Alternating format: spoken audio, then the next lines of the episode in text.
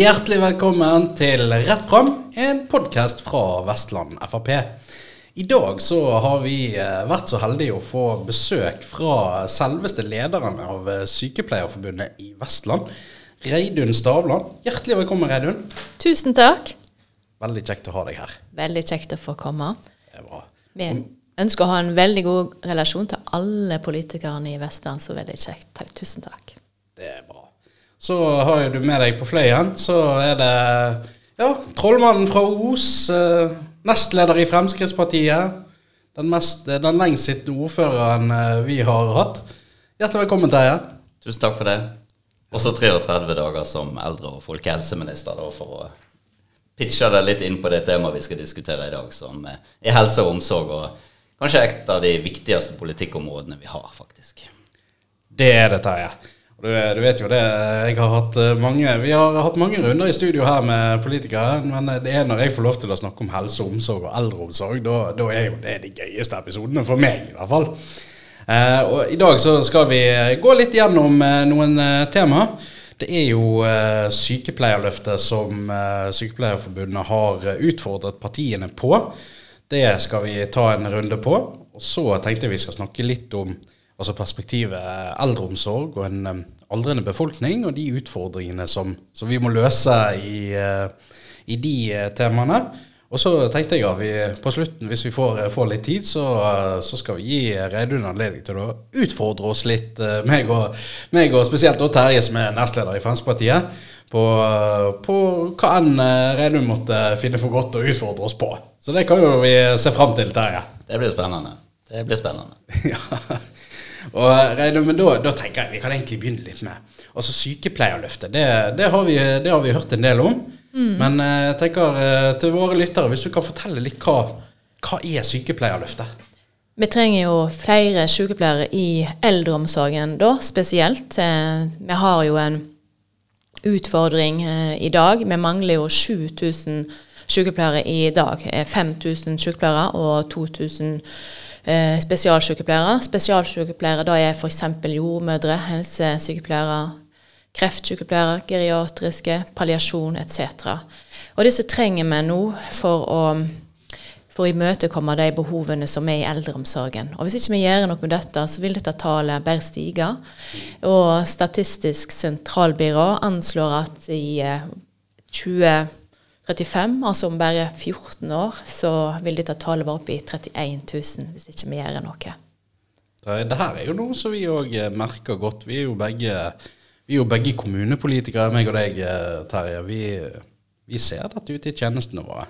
Ja, det gjør vi absolutt. Og det henger jo sammen med at um, det er konkurranse om uh, fagpersonellet her. Uh, mellom uh, spesialisthelsetjenester, altså sykehusene primært, og da kommune delen som har både helse- og omsorgsoppgaver. Og veldig ofte så vinner kanskje spesialisthelsetjenesten, eh, og så blir kommunene litt i andre rekke. Og da må vi eh, gjøre noe på dette feltet for å få opp eh, flere sykepleiere og flere innenfor de ulike spesialistområdene som nå Reidun var inne på. Og fra FrPs side så hadde vi en stor debatt på dette på landsmøtet vårt nå i vår der vi eh, gikk ut og sa at vi trenger et eh, treårig, eh, i første omgang i hvert fall, helseløft, der man setter fokus både på arbeidsvilkår, altså betingelser, lønn, fordi vi er nødt til å få rekruttert flere inn til dette yrket. Og så må vi klare å beholde de som allerede har tatt en utdanning og står i yrket i dag. Da er lønn ett virkemiddel. I tillegg så må man selvfølgelig se på det som har med arbeidsplassen å gjøre arbeidsbelastning, arbeidsmiljø og det som ligger der. Det kan vi sikkert komme mer inn på. Men i vårt uh, vedtak på landsmøtet så var vi òg opptatt av at vi må øke ut utdanningskapasiteten. Fordi uh, vi ser at med en aldrende befolkning, noe vi skal være veldig glad for, så vil behovet for uh, helsepersonell, og spesielt sykepleiere og helsefagarbeidere, bli veldig stort i kommunene i, i årene som kommer. Og per i dag så har vi ikke tilstrekkelig utdanningskapasitet til å dekke dette behovet. Mm. Men det var jo, eh, for å si det sånn, vi, eh, vi, vi merket jo at det var, det var stor frustrasjon eh, hos dere rundt forrige lønnsoppgjør. Mm. Jeg kan bare si, jeg kommenterer det også Terje tok opp nå. fordi Jeg tror at eh, grunnen til at det kanskje spesialisthelsetjenesten eh, klarer å, å, rekruttere flere, da er fordi at det er et større fagmiljø der. Eh, de, de, på en måte de opplever å få støtte, sant? fordi de har noen andre med seg på jobb. Eh, for i kommunehelsetjenesten så er det sånn at veldig mange eh, står alene eh, og med ansvaret for veldig mange pasienter. Og da er utfordrende, og spesielt òg hvis, hvis, du er ny. Eh, så trekker du fram dette med eh, arbeidsforholdene. og eh, nå kom det jo en rapport i fjor, NOVA-rapporten eh, 14-2020. Den sier jo bl.a. at eh, arbeidsbelastningen og tidspresset det er veldig stort ute i kommunehelsetjenesten spesielt. Og dette fører jo til en veldig stor både fysisk, men òg en psykisk belastning for de som jobber der. Og så er det jo selvfølgelig lønn eh, er medvirkende. Men for å på en måte beholde de der, så må lønna opp. Nei, jeg mener belastningen må ned, sånn at vi må opp med bemanningen. Det må flere på jobb, rett og slett. Vi kan ta et eksempel. Hvis du da er på en sykehjemsavdeling, la oss si det er sju beboere der, og så er det to kanskje da som er på, på vakt, og så trenger kanskje den ene pasienten ja, trenger kanskje et stell, og så trenger kanskje den andre pasienten hjelp til toalettbesøk. Så sitter jo de andre pasientene der alene, sant? og det er ingen som på en måte ivaretar deres behov. Eh, og da fører jo det til en slags hva skal jeg si, en belastning når du ser på en måte at du ikke klarer å ivareta de behovene som disse eh, beboerne eh, har da, eh, fordi det er så få på, på jobb. Dette, dette, vet vi jo fra, mm. fra alle yrker, at uh, følelsen av å ikke strekke til mm.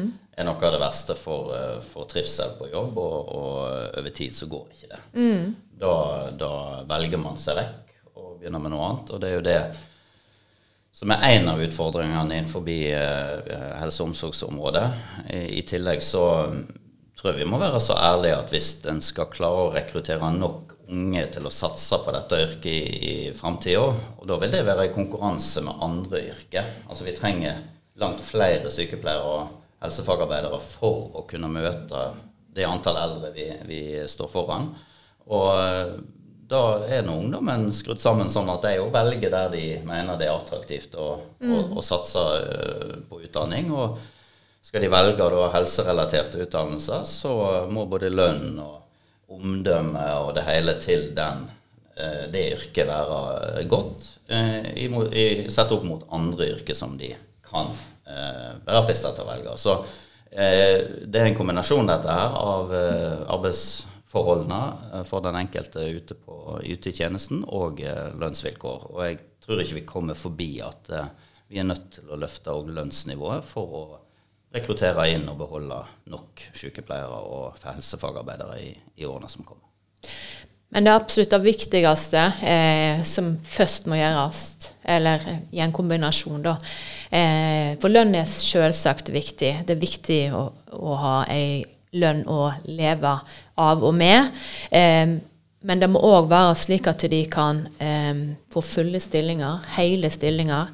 Men for å kunne klare å stå i disse hele stillingene, så må belastningen ned. For sånn som det er nå, så er det rett og slett for tøft for mange å gå i, i, i fulle stillinger på, på f.eks. en uh, sykehjemsavdeling, fordi at det er rett og slett for belastende. Så, så det må flere folk inn. Eh, for da, for da får vi òg tilbake, tror jeg, noen av disse som kanskje har slutta når de ser at eh, mm. det er bedre, er bedre arbeidsvilkår. Og så er det òg da at eh, de, vi har ikke råd heller til at de skal eh, slutte eh, å jobbe når de er 57 år, sånn som veldig mange gjør i dag. fordi at det, eh, de, de, de, klarer ikke å stå i det. Sånn, så, sånn at for å beholde de der eh, lengst mulig, så må òg bemanningen opp, sånn at det blir mindre belastende å stå i jobben. Og Det er òg et eh, kvinne- og likestillingsperspektiv i dette å, og få de til å stå lengst mulig. Fordi at Hvis de går ut av jobben for tidlig, sånn, så vil de gå ut i uføretrygd. Og, og, så vil de da gjerne få mindre pensjon i neste omgang. Sånn. Så vil det da være veldig negativt for, for disse eh, personene som da gjerne må slutte tidlig. Så nevnte du dette med utdanningskapasitet, Terje. Mm. Eh, nå er det jo sånn at eh, det er en overopptak i eh, sykepleierutdanningen per i dag. en tar opp eh, mange flere enn da det er studieplasser for. Eh, så jeg vil jo slå et slag for at denne bemanningen som vi snakket om i stad, er viktig for å klare å utdanne nok. Fordi at disse som skal utdannes, de trenger veiledning av den kompetansen som de skal utdanne seg til.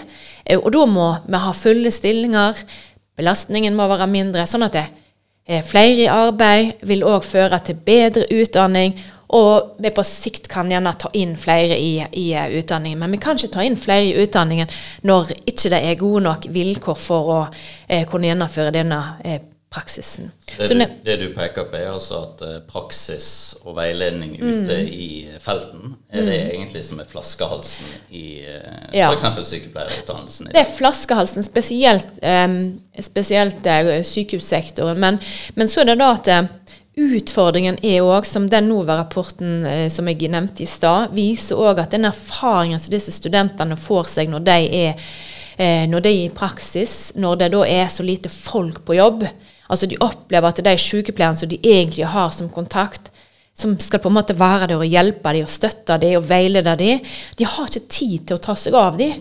For det er så travelt. altså Pasientene har, har så store behov at de klarer ikke å imøtekomme de behovene som studentene har. Dette erfarer de, og så tenker de at dette her, dette gidder jo ikke jeg å, å begynne å jobbe i når jeg er ferdig.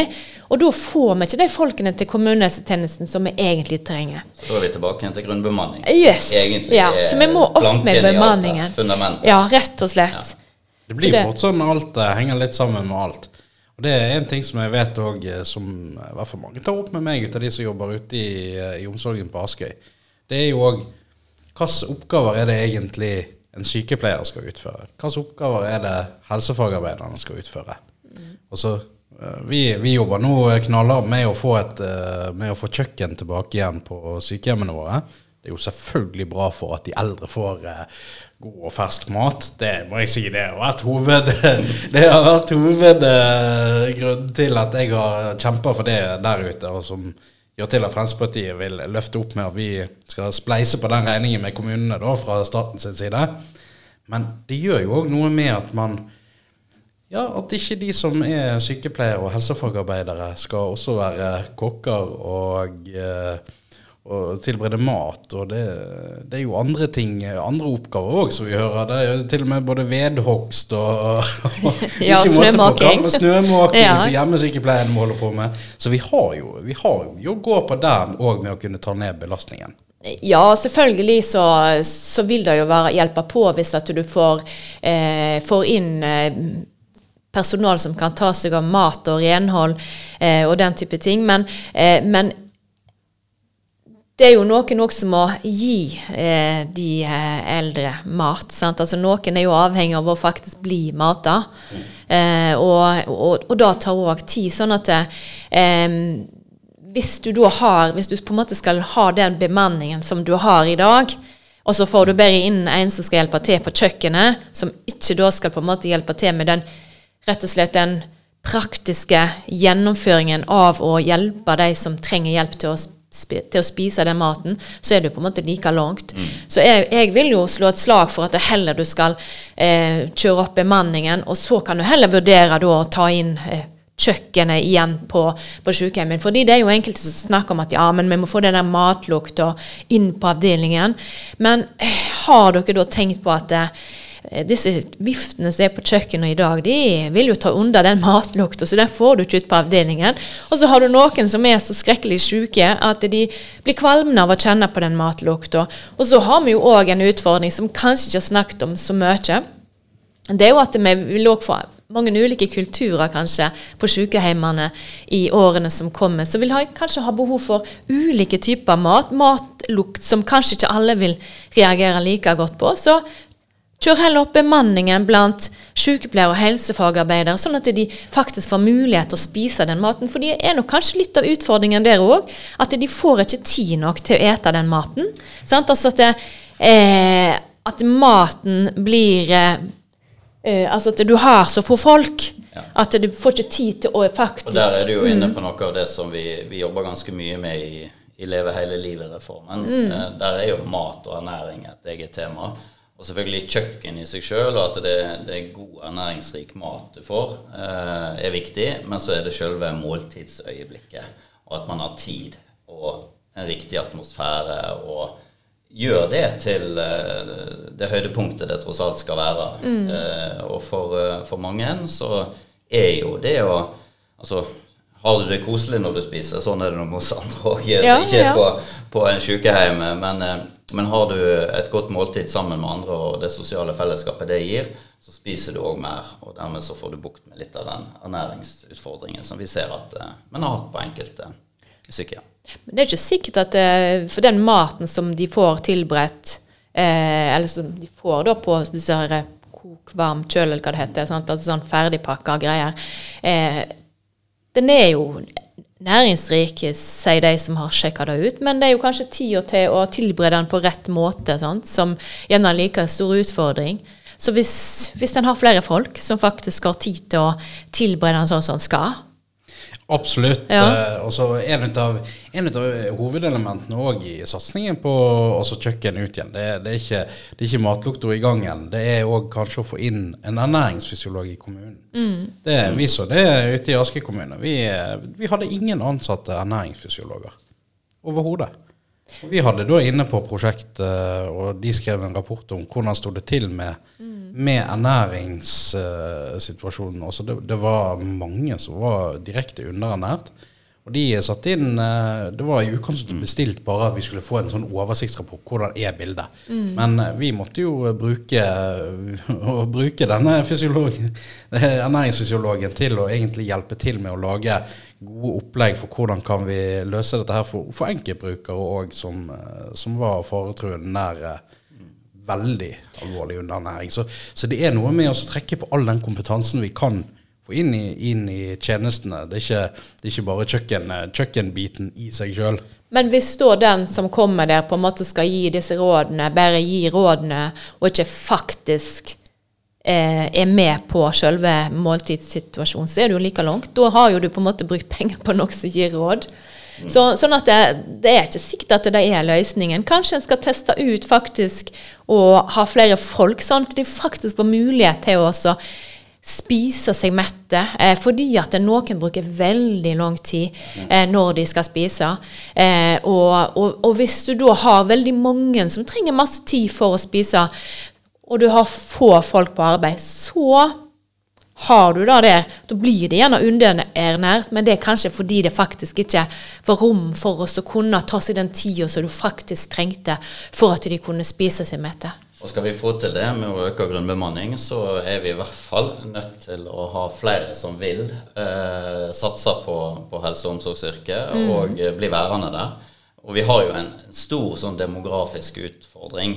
Eh, vi var så vidt inne på det tidligere her, men eh, Viktor Normann-utvalget som la fram den her eh, distriktsdemografirapporten mm. sin eh, rundt nyttår, viste jo at eh, vi er i ferd med å egentlig få et, et, litt delt Norge når det kommer til befolkningsstruktur. I byene har du den unge befolkningen mm. i yrkesaktiv alder, og så vil du ha en veldig høy andel av eldre Eh, i pensjonsalder i eh, distriktskommunene. Og vi vet at eh, mange, når de er ferdig utdanna, så som vi var inne på, så vil de kanskje først gå til spesialisthelsetjenesten, og så vil byene forsyne seg òg av sykepleiere og helsefagarbeidere, og så er det distriktene der ute mm. som er de store taperne. Så her har vi stor, eh, en stor jobb å gjøre, og vi må faktisk, eh, har jeg tenkt, eh, snu litt opp ned på tenkningen rundt distriktspolitikk. Vi må sørge for at det blir attraktivt for folk å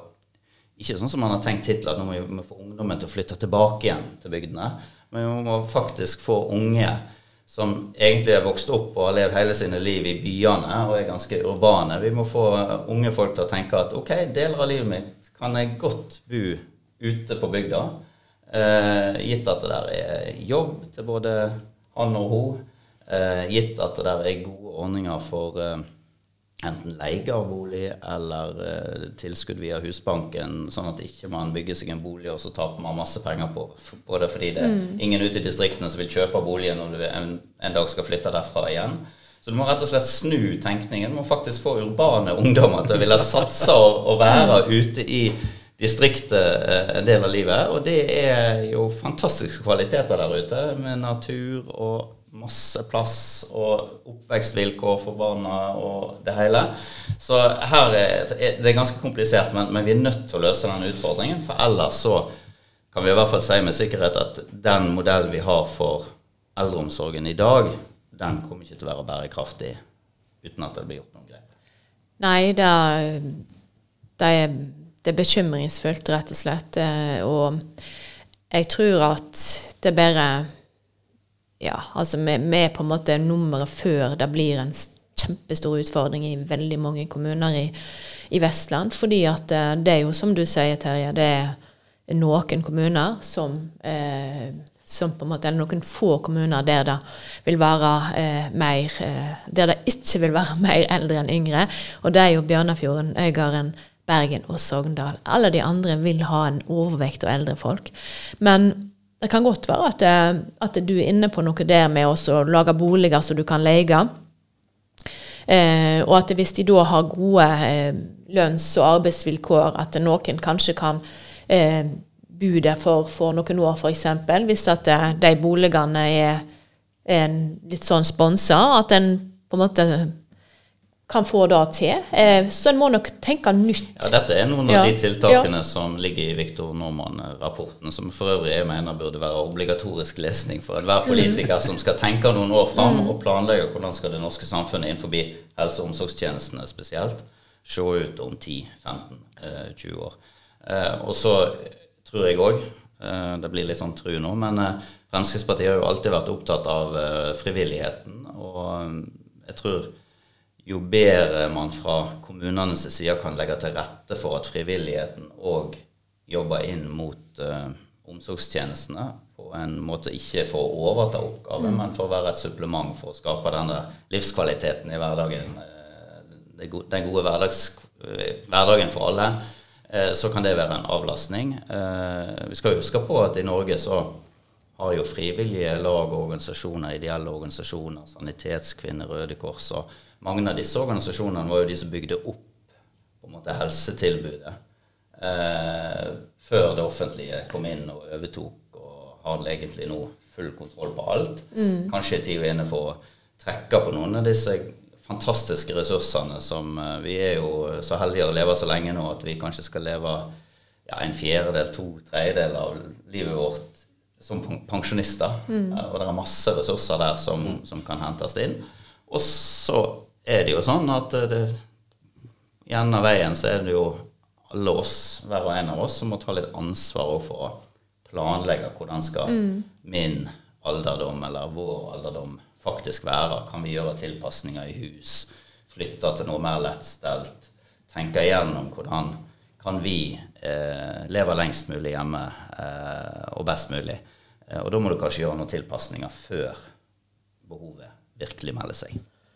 Da tror jeg du har helt rett i at vi, vi må bevisstgjøre folk mer på, på, det som kommer, for at folk må ta ansvar for, for, for livene sine. Eh, for da at de faktisk blir gamle. Altså, eh, er du, du er i 40 år eller 50 år, og så har du ei trappe opp, sant? så sliter du jo eh, hvis du brekker foten, eh, hvis du da er alene i det huset. Så, så, det skal jo egentlig ikke så skrekkelig mye til før du er ute og kjører. Eh, så Eh, og så tenker jeg sånn så i forhold til dette med, med, med bolig, du nevnte dette med, med tilrettelagte boliger for, for, for, unge som kan flytte til bygda.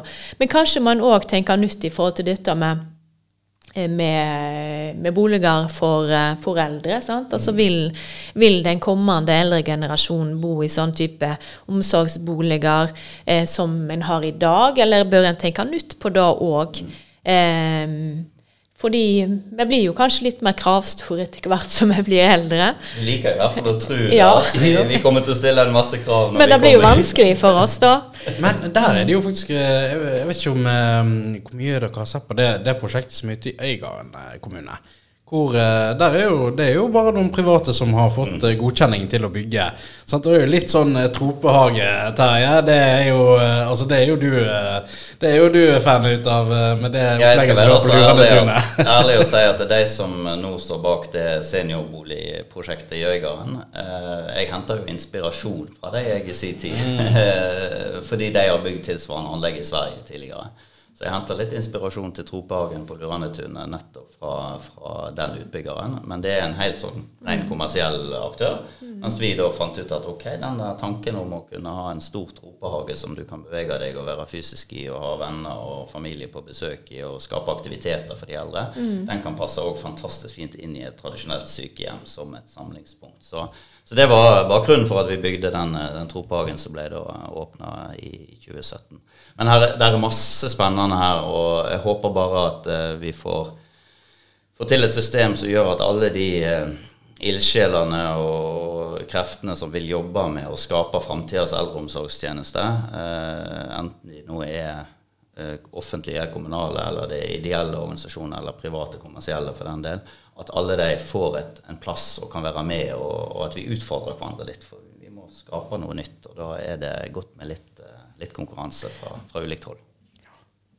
Det er jo nok av folk som ønsker å bli sykepleiere og, og eh, helsefagarbeidere. Og vi trenger jo begge, begge gruppene, og vi trenger jo mange andre. Eh, men jeg tror det, det som dere skal satse på først, dere politikere, det er jo å øke bemanningen, fordi at da får vi de til å bli. Um, det er jo et overopptak på, på sykepleierutdanningen, uh, har vært nå de seneste åra. Uh, og det er jo kjempemange som, som søker seg inn. Sant? Men vi må på en måte prøve å beholde de der. Og, og for å beholde de, så må vi opp med, med bemanningen i, i, eh, ja, i helsetjenesten, sånn at de ikke forsvinner ut. For da leker for mange ut, rett og slett som med sigler, altså. Det, Den, den, eh, Terje, den, jeg tror meldingen er veldig tydelig fra Sykepleierforbundet. Veldig Og da, tydelig. Da, eh, da, Terje, for å si det sånn eh, hvis nå, Det er jo stortingsvalg. Og også meg og deg, vi sitter, du sitter i en kommune som allerede har statlig finansiert omsorg. Jeg i Askøy har kjempa det til at vi er på vei inn nå, først i første 22. Og så Det er viktig at vi, at vi klarer å få et sterkt Fremskrittsparti, sånn at vi får finansieringen eh, direkte ut til kommunene til å kunne levere på disse utfordringene her. Ja, eh, dette er jo klart det er litt sånn teknisk, akkurat det med finansiering. Og, og Reidun er jo inne på at det, det som er den største flaskehalsen, det er å ha nok bemanning, mm. grunnbemanning, for å kunne yte gode tjenester.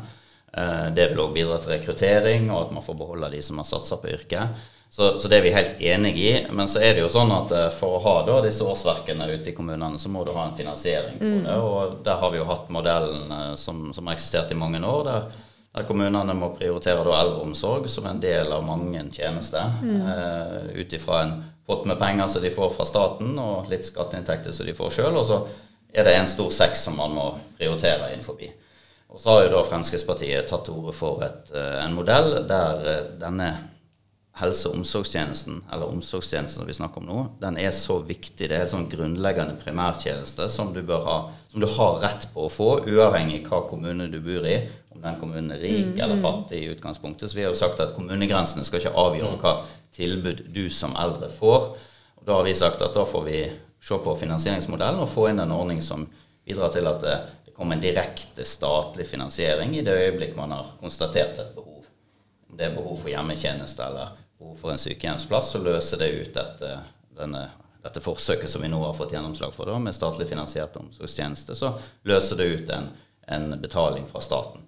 Det har jo vært fantastisk for Bjørnafjorden sin del å kunne ha vært med i, i dette prosjektet helt fra OSIK inn eh, i 2016-2017.